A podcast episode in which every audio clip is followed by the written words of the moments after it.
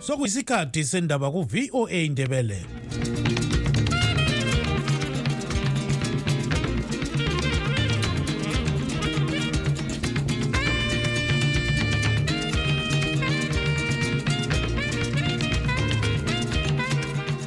lami ngibonge uthanono gawande obesipha indaba ngolimi lwesishona. Lingalivuka njani izulu kandaba olamukela emsakazweni westudio 7 ngolwesine mhla ziku-14 mpalakazi 2023 nguchris gande.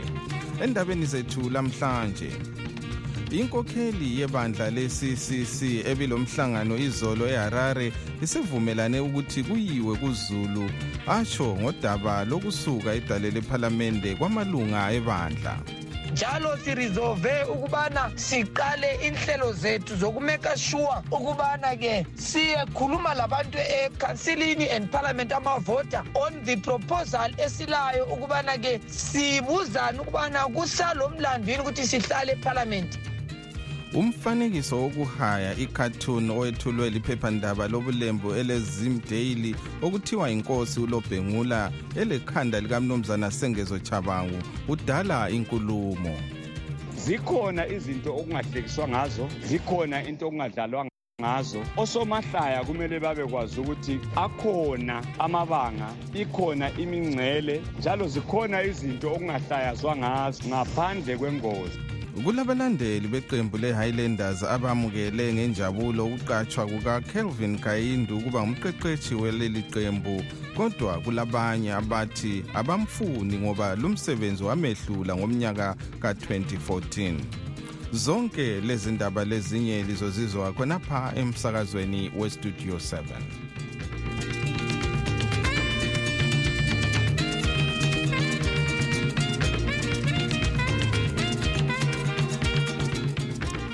inkokheli yebandla le-ccc ebilomhlangano izolo eharare isivumelane ukuthi kuyiwe kuzulu ukuze atsho ngodaba lokusuka edale lephalamende kwamalunga aleli bandla.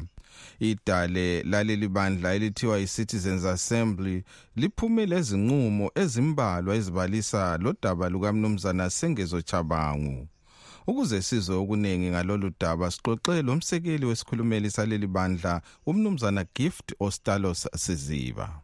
Ngiyabonga kakhulu umhlangano wethu we-citizen national assembly uphumise ama-resolution okuthi siya phambili njani dinga njenge-trips yokokuqala siwelelane kubana-ke sizasebenzisa inhlelo ezitshiyeneyo ukuyala ibhajethi elapropozwa ngumthuli ncube ngoba yibhajethi leli anti the people yibhajethi elingavele ebantwini elifuna uku-overtaxa abantu abadubekayo lokuthi kube le program eyokuthi siqede-ke udubo elizweni. So on that basis lizabona siqala-ke amaprogram ethu-ke okungawelelani le ndaba yebhajethi njalo sirizove ukubana siqale inhlelo zethu zokumeka sure ukubana ke siyekhuluma labantu ekhansilini and parliament amavota on the proposal esilayo ukubana ke sibuzane ukubana kusalo mlando yini ukuthi sihlale ephalamenti noma siphume sonke ama-members of parliament lamakhansela so yikho ke siqalise imeeting lama-mp lamakhansela ukubatshela ukubana sesiqalise ama-meeting ethu kuviki yona leyi lama voters ukubana sizwe ke iproposal ephume ku-citizen national assembly ngeyokuthi we must completely withdraw from parliament ngenxa yokuthi it's no longer an arena erespecta the democratic ethos and the constitutional obligations ezabantu abaphiwayo abasephalamenti lasekhansilini so in that respect sizabe sile-marathon meetings esizayenza with ordinary voters ukubana sibe kwazi ukubana iproposal ephume ku-citizen national assembly abantu bathini ngayo ukwenza ukuthi sibe le-way forward thina njengenhlanganiso. Number three sivumelane njengenhlanganiso ukubana sesesiqalisa a political program of action ekubana silethe izimbabwe back to i-road of democracy and legitimacy. So lizasibona senza inhlelo ezitshiyeneyo mayelana lendlela le ndaba yokubana sibuyele back to ukuhlonitshwa kwe-constitution kwele zimbabwe ngenxa yokubana ngezake siyacontinua as if everything is normal when everyone in this country is under attack ngohulumende kamnankagwa ongakhethwanga ngabantu. Ngiyabonga. Lathi siyabonga mnumzana gift ostalos siziba. Umsekeli wesikhulumeli sebandla le-ccc obekhuluma ecingweni lestudio 7 eseharare.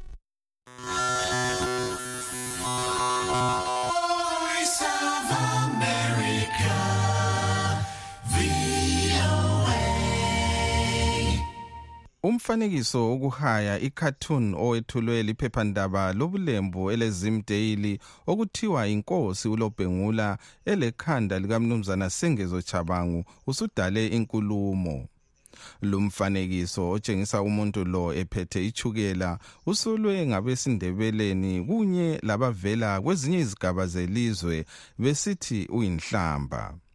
Kulabanye abangazi imbali yelizwe abathi ulobhengula wathengisa isizwe ngechukela iphephandaba lezimdaily liwucitshile lumfanekiso laxolisa kuzulu. Sixoxe locubungula ezombusazwe umnumzana jetro mpofu ofundisa njalo ezombusazwe ekolitshini levits kwele south africa ukuze sizwe imbono yakhe ngalolu daba. Ye ubonakele umfanekiso kamnumzana usengezo shabangu osuhlanganiswe lesithombo lo mfanekiso wengonyama inkosi ulobhengula inkosi yakwamthakazi inkosi yesizwe samandebele. Eh umfanekiso lo ukhandwe yilabo bantu abanesifiso sokuqhubekelisa phambili umbono wokuthi inkosi unobhengula yathengisa ilizwe ebalungwini ngoshukela. Eh umbono oyinhlamba futhi ongamanga ngoba kwenzekanga lokho ulobhengula akazange athengise isizwe nalo ilizwe ngoshukela. Eh kusenjalo ukuhlanganisa ushabangu nolobhengula eh kuyinketha beshabi ngobana sokusenza ukuthi kubonakale ngani akunamuntu wesintwini wesindebeleni eh wakwamthwakazi ovunyelwayo ukwenza upolitiki lokupolitika ezweni lasezimbabwe. Umfanekiso lo yawodwa uyinhlamba. Uthuka ulobhengula inkosi yabantu. Uthuke yena ushabangu eyipolitician njengamanye amapolitician elizweni. Uthuke nalabo bantu abangavumelana noshabangu abangavumelana nolobhengula. Labo bantu bengaba semathebeleland bengaba semashonaland bengaba sebukhalangeni bengaba kuphi? Kodwa ngumfanekiso wothuko umfanekiso wenhlamba. Kodwa bakhona abathi imfanekiso enje ngekuzilibazisa nje okwenziza ukubana abantu bengawuthathi ngendlela yokuthuka kodwa bakuthathe njengendlela nje. Yokuzilibazisa. Ukubona njani? Awu yebo mnumzana bakhona abanye abathi bona ye amakhathuni imifanekiso eh amahlaya nokunye indlela yokuzilibazisa eh ukuthi kube lohlaya kube nohleko kube kuhle kube njeya. Kodwa ke eh engakusho mnumzana ukuthi akudlalwa ngegeja kuziliwe njalo akunamuntu wakwahlekisa ngobukhosi akulamuntu wakwahlekisa ngombuso akulamuntu wakwahlekisa ngempilo zabantu. Ma uhlekisa ngenkosi lobhengula uhlekise ngobukhokheli babantu. Uhlekise ngamapolitician uhlekise ngakho konke kulungile. Ngamahlaya ngamakhathuni lokhu abathi isathaya abathi isarcasm abathi ihumor eh ngesilungu. Kodwa ke inhlekiso leyo lamahlaya lawo angahambelana lengozi nokufa kwabantu. Bangaki abantu ababuleweyo ngegugurawundi ngokuthi bangamthwakazi baningi. Bangaki abaswele amathuba ngokuthi ngumthwakazi baningi. Bangaki abafiphezelwe impilo zabo ngokuthi yibo labo baningi. Ngakho ezweni elinjalo ihlaya lakhona liyabe lisukela phambuka laya eceleni. Ngingakuthatha ngikusemhlabeni jikelele. Kwenzekeni nxa eh abanye sebethetha amakhathuni ngoMohammed bahlekisa ngoProphet Mohammed bahlekisa ngoProphet bani bani kufa abantu kuyaliwa. Ngakho zikhona izinto okungahlekiswa ngazo zikhona into okungadlalwa ngazo. Osomahlaya kumele babekwazi ukuthi akhona amabanga ikhona imingcele njalo zikhona izinto okungahlayazwa ngazo ngaphandle kwengozi. Ngakho lokhani ukuhlangana ukuhlanganisa isithombe sikamnumzana usengezo chabangu nesithombe sikamzilikazi kuyimpi kwabanye abantu. Ngakho lowo somahlaya nxa engusomahlaya kutsho ukuthi wehlulekile ukuhlayaza ngoba udlale ngegeja kuziliwe. Lo-ke ngumnumzana jetro mpofu ocubungula ezombusazwe njalo efundisa ezombusazwe ekolitshini levits kwele south africa. Ubekhuluma ecingweni lestudio 7 ekhona le kwele south africa. Silokhe sikudaba lunye siphinde saxoxa locubungula ezamasiko njalo eyisikhulumeli sikamnumzana stanley raphael khumalo omunye wabathiwa zinkosi zamandebele umnumzana greta vodloza sibanda.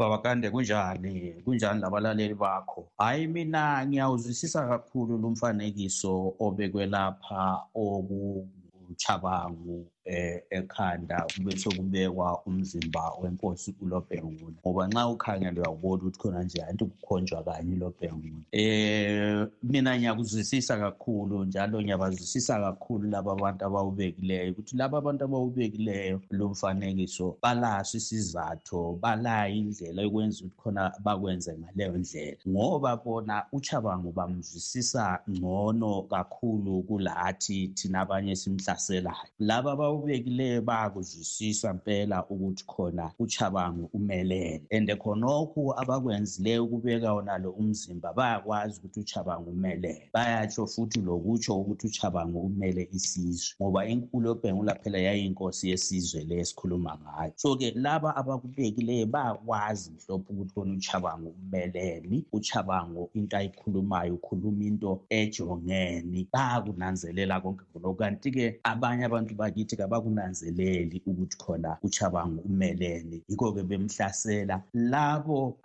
ababancedisayo bona abo bayabatshengisa ukuthi hhayi lina ingamhlasela lo muntu kodwa lo muntu umele lokho umele isizwe. So-ke mina yindlela engikubona ngayo kodwa bakhona abathi imfanekiso enje ngeyokuzilibazisa nje okwenza ukubana abantu bengawuthathi ngendlela yokuthuka kodwa bakuthathe njengendlela nje yokuzilibazisa. Ukubona njani? Angiboni nje njengendlela yokulibazisa kuphela kodwa ngibona kuyindlela yokuthi abantu bajulise umcabango. Umcabango yabantu isuke phezulu ingene phansi ngoba bona laba abakubekileyo sebengenile. Batshona baze bayafika emthanjeni wamanzi. Mina yindlela engibona ngayo leyo. Angazi ukuthi abantu bakithi bona baza kuthatha njani. Kodwa eqinisweni yikho khonokho eqinisweni yikho lokhu uchabango akumeleyo kumele isizwe senesi sizwe esiyis yisona esimelwe ngulobhengula esasimelwe ngulobhengula bakunanzelela lokhu abakubekileyo. Ngiyazi ukuthi laba abakubekileyo yilaba abantu abangekho esizweni lesi esasiphethwe yinkosi ulobhengula um ingakanyamalayo so-ke ngiyakuzwisisa kakhulu njalo mina yindlela engikubona ngayo ukuthi khona uchabangu konke akwenzayo bayakwazi ukuthi uchabangu kwenzelani njalo bayakwazi lokuthi bakuconnecte lesizwe kube kanti-ke isizwe labanye bantu bakithi ngapha esizweni kababoni ukuthi kuyini okwenzakalayo ngiyabonga. Lathi siyabonga mnumzana greta vodloza sibanda. Ucubungula ezamasiko njalo eyisikhulumeli sikamnumzana stanley raphael khumalo. Omunye wabathiwa yinkosi yamandebele.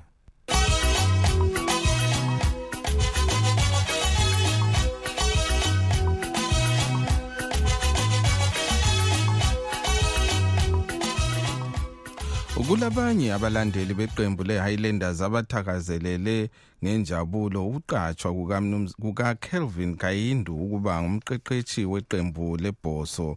Kuzokuba labanye abathi abamfuni ngoba lumsebenzi wamehlula waze wasuswa esikhundleni sokuqeqesha ibhoso ngomnyaka ka-2014 ukayindu owake wadlalela njalo ibhoso ukhangelelwe ukuqala umsebenzi kwinsukwana ezilandelayo. Ugibbs dube westudio 7 uxoxe lomsakazi olodumo u-ezra chisasbanda oyintatheli njalo yestudio 7 siyamhalalisela siyambongela. Iqiniso elihle ukayinto uzazama kodwa into inkokheli zebhoso yikho lapho kule indaba khona. Um silaloko kuthiwa yi-board silaloko kuthiwa yi-executive. Labasebenzayo kwi-executive abakhona basebenza nzima ngoba kule bhodi engenelayo ibhodi ngesilungu okuthiwa yi-ceremonial ukuthi vele yona ngokwayo kayingeni ekuqondiseni kumbe ekusebenzeni kweqembu kodwa kulezi nsuku bayangenela. Ngakho-ke udubo lukhona phana ukuthi ugcine kungazwanana. Sekulama-camps kulani. And njalo abantu ababuyayo kuleli qembu iqembu leli dube yigolide mina ngalithatha laphana igolide yodwa. Kodwa-ke abantu abakwazi ukuthi baligebhe njani igolide lakhona kodwa lapha-ke ukayindu lapha singathi bazamile kumbe ngendlela into eziyo yona bazamile bangcono kulo mlungu lo ade khona. Umlungu lo ade khona vele bezehlulekela kodwa kukhayindu ntwana-ke wazama wasfikisa saba-ke kunumber two sithiwa i-goal difference. Yebo kahambe kodwa wayelaba abadlali abaningi wehluleka kunqoba ngoba ngomthetho kumele umuntu owehlulekayo ukuthi anqobe kumele atshintshwe njengemazweni njengamathimu wonke south africa u k america kodwa kukhayindu phakathi kwabaqeqeshi abakhona um umbone ngani engazama ngenza ngcobo ye kodwa Kodwa izinto- lokuxokozela phakathi kuzaba lakho uqozela ubhukuzi abantu beyelendazi balokwehlula badawukele phakathi tu. Yikho kade kufuneka inkokheli engabambanisa abantu bonke abayelendazi kuzaba Mhm. lokuxokozela kade ezingeyimbuzo edube na isizini iphelile akwazi ukuthi iyasponshwa mbani? Mm. iyelendezi ethatha incane asikwazi ukuthi usakunda uzabuyela yini? Akula muntu osekhulume lawo usakunda lo kade ongincedisile ukubhadala imiholo yabafana. So into zonke kwamanje zisamile akwaziyo. Enye into eduba ngeyalendazi khathesi laba abakhethe ukhayindu baphuma nxa bevotelwe phandle sebekhethele laba abazabuya abazabuya bazasebenza kuhle njani laye bengamkhethanga. Yinto kumele isisekelo seqembu lelendazi kumele sitshintshwe sithi constitution itshintshwe?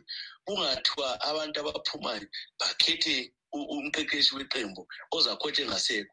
Laba bengaphuma laba bamkhethileyo lo uyayo athi kanje vele akukhethwanga yimi wena.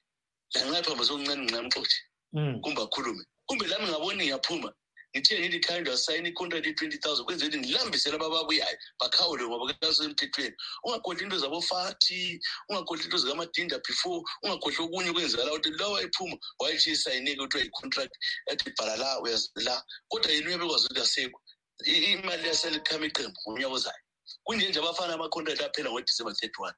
Ungabuza ukuthi ulungisiwe abafana abanye ngiyahlala labo hhayi kangikwazi um bra um angikwazi idrophe enxenye bese ngihambile ngoba kula muntu onjela ukuthi uyamfuna ngomnyaka ozayo. Yabona into ekhona Mm. so akula muntu ovuselela-ke um ama-contract abafana ngonyaka ozayo bazadlala njani? Yindaba ezikhona so-ke sizokuthiwa kulabanye abantu abafuna ukungena ezikhundleni lapha obakudambisa isihlungwane siyezo sezothi uqhubani moya uyafuna liyamazi uqhubani moya ukwazama uba ngu-m p ngapha ensiza webandla lezanu p f njalo ukwasebenza kuzek njalo um nguye omunye wabathola isitiji basithi metro sizwile ubaba uhlanga udlodlo kodwa uhlanga udlodlo ntekhuma la ukuthi hayi kangeni. Sizwile ukuthi kulonodumunyathi use-south africa um ukuthi ufuna ukungena. Sezwa ukuthi ubaba wakwakhokhela um ema eh kwithemu liyaphela ungangena ubaba usibanga laye-ke ufuna ukungena esithi ngubaba omhlophe um ukenneth mhlophe um lo baba-ke ujohn fad yena lo khona usibanda so bonke laba ngabantu abakhanya ukuthi bazancedisa. U-ezra chisa sibanda ngumsakazi olodumo njalo eyintatheli izindaba yestudio 7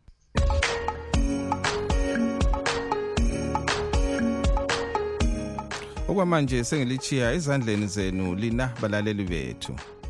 Estudio 7 kubasakazi bethu abahle kunye nabalaleli. Ninganivuka njani ngezindawo ngezindawo la ilikhona hhayi siyayizwa indaba kasengezochabango usekwenzile njalo. Angazi bakhona kade bemsekela bethi hhayi usengezochabango uyalungisa kodwa namhlanje ulungiseni ngoba nangu uthetha amasithi akade ethethwe triple c lapha kwabulawayo wabisela ku-zanu p f. Yiwo kamadoda angamavila la ahluleka ukusebenza afuna ukudla igazi labanye abantwana athatha injabulo yabantwana bezimbabwe afuna ukuyifaka epokethini lakhe ajabule yedwa. Um sihlezi sibatshela abantu sithi hhayi ivoti lakulelani ilizwe ngeke likusize nganex kungangcono kusetshenziswe enye indlela ngoba ivoti kusokucacile sobala ukuthi kulela lizwe ngeke lize likhulula abantu ende ngeke lisize ngalutho. Lokho nje kuyinto ebonwa ngubani nobani. Inkantolo zonke sezajika saba yisani yonke into. Mina nje umuntu engizwisa ubuhlungu uchamisa ngizwela uchamisa khoze uphila kolunye usizo olunzima kakhulu uyazama mpela ngamandla ukuthi akhulule abantu basezimbabwe kodwa kwehlula nanku manje sebefuna ukumthathela negama bayidiliza nje iphathi bafuna ukuyiqeda yonke. So kubuhlungu kakhulu lokho. And vele ekugcineni bagcina beyidilize bayiqeda vele iphathi so into esikhona nje abantwana abantwana basezimbabwe into engasiza ukuthi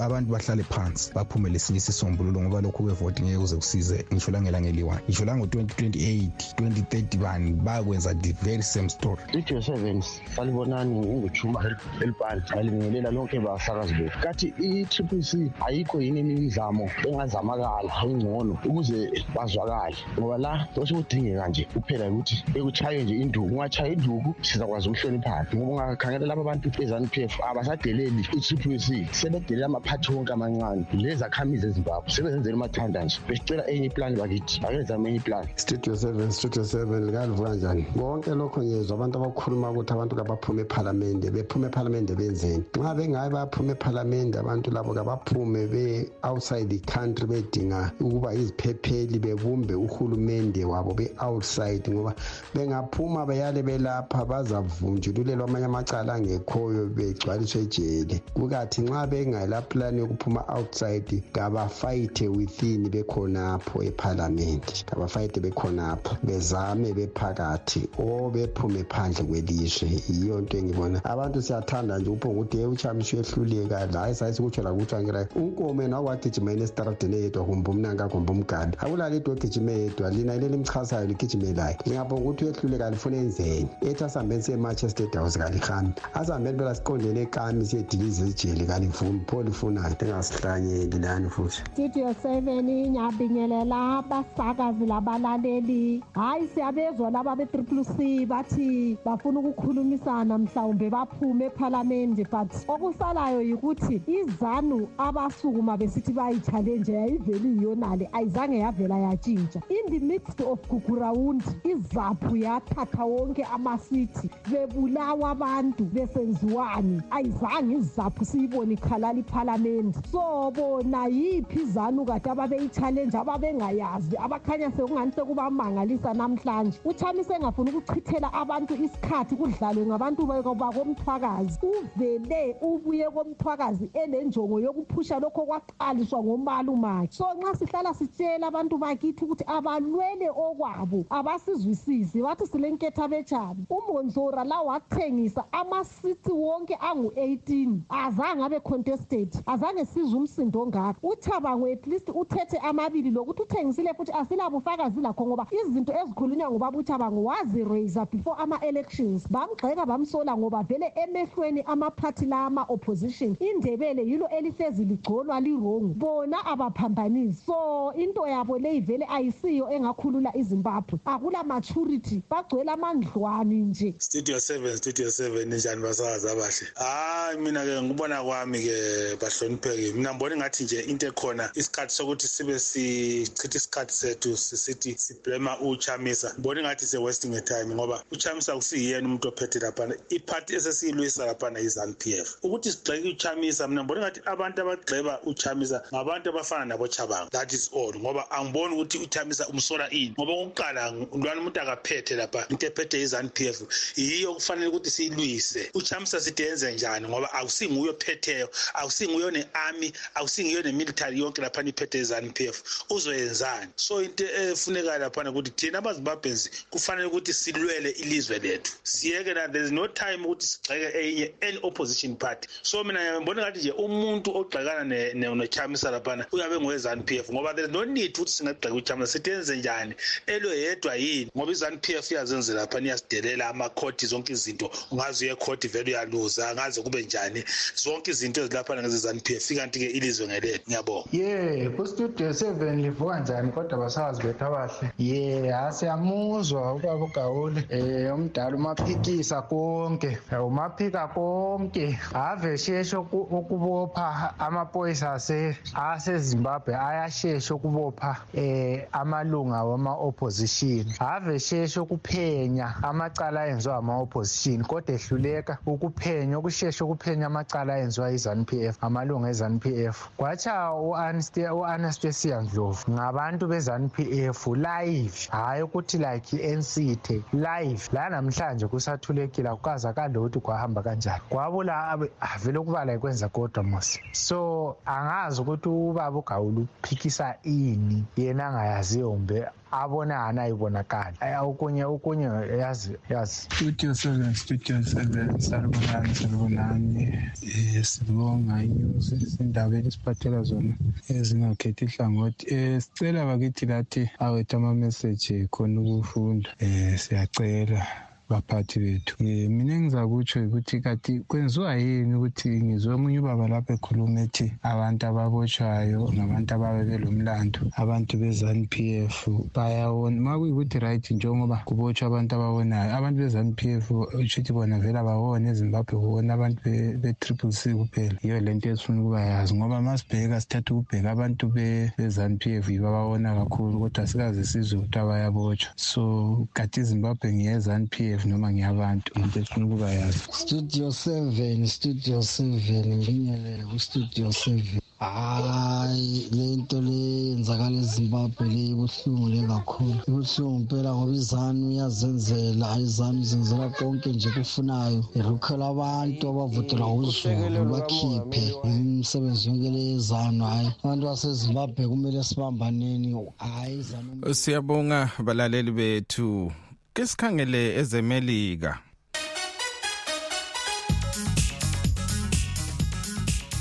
Umtshutshisi wecala likamnumzana donald trump owayengumongameli welemelika mnumzana jack smith usethule udaba lokuthi akucutshungulwe kubonakale sobala ukuthi utrump uyavikelwa na isisekelo sombuso ukuthi angazathoniswa amacala akhe ambalwa. uTrump kodwa kunjalo nguye okhanya elokhu ekhokhela kulabo ancintisana labo kubandla lama Republicans sixoxe lo mnumzana Tim Moringayi ukuze sizwe imbono yakhe ngalolu daba. Ngiyabonga msakazi gandi hhayi usekelo lukamongameli waye ekhona utrump unganithiwa seluqina day by day ngoba abantu kathesi kunganithiwa um intengo yezinto ezitolweni lokuhlala kahle. Lama-investments kukhanya nganithiwa aphansi. Um siyakwazi ukuthi saba le-covid um e-two years laphana abantu bengahambi emsebenzini njani njani. So kathesi kungathiwa soku-affecta yonke into. Ngoba siyakwazi ukuthi ama-economy eh all over the world kungathiwa lawo lokhe asayenza i-recovery. So abantu abalapha e-amerika bakhangela okwabo izikhwama zabo lokuhlala kwabo eh lentengo yezinto ezitolweni. Okwakathesi kukhanya ngathiwa hayi eh izinto ngathiwa ziyadura. Eh abantu bathi eh intengo yamafutha or igasoline ngathiwa iphezulu kakhulu. So yiyo eyenza ukuthi izinto eziningi zikhwele. Eh so khonapho abantu sebekhumbula ukuthi umongameli Trump eh esekhokhela laphana izinto eziningi zangathiwa zazichiphile and i-economy ye-America yayihamba kuhle. So okwakathesi ngathiwa abantu sebekhanuka khonokho. So yikho eh isupport yakhe inganthiwa isiqina eh day by day week by week. Singakhangela ama ama election predictions. Athi wona okakathesi uTrump nguyophambili kukaBiden. Yena umongameli Joe Biden ubona njani amathuba akhe? Njengoba eh, isikhathi sonke lesi bekungani akukhanyi ukuthi engaba eh, losekelo olwedlula olukamnumzana Trump. Siyakwazi ukuthi la uBiden eh unganthiwa uyakwazi uku eh, campaigner or is a political eh, strategist ngoba sabona ngo2020 ka campaignanga okuningi but waphonga ubuya le message yeyodwa ezimbili eh waquma ukubusa kukamongameli Trump ine surprise. So mina engikubonayo khonapha ukuthi umongameli uBiden kathesi sesingena ku2024 eh sizake sesimbona nje sechaya ama campaign akhe ngoba uqalise ukuyenza ama fundraising last week. eCalifornia. So ngiyabona ukuthi ngo2024 iyabe sejaha ukuthi isikhathi asisekho. Eh ukuthi uzanqoba hayi lapha eAmelika kuyahlupha vele ngoba eh singabona by September next year or August ukuthi kuyabe sokume njani. Yikho nganthiwa kuyabe sekulama indicators ngoba siyakwazi ukuthi eh uTrump laye ulamacala amaningi eh eh lama cases amaningi aphambili kwama court ngendaba zokuba eh etsotsa erobha abantu njani njani longafuni ukulalela umthetho welizwe. And inkulumo zakhe ewayezikhuluma ukuthi ufuna ukuba ngudictator hayi angikwazi ukuthi kuzakuma kanjani. Siyabonga mnumzana tim moringayi ocubungula ezombusazwe igama nguchris gande asidibaneni njalo kusasa sikhathi sinye.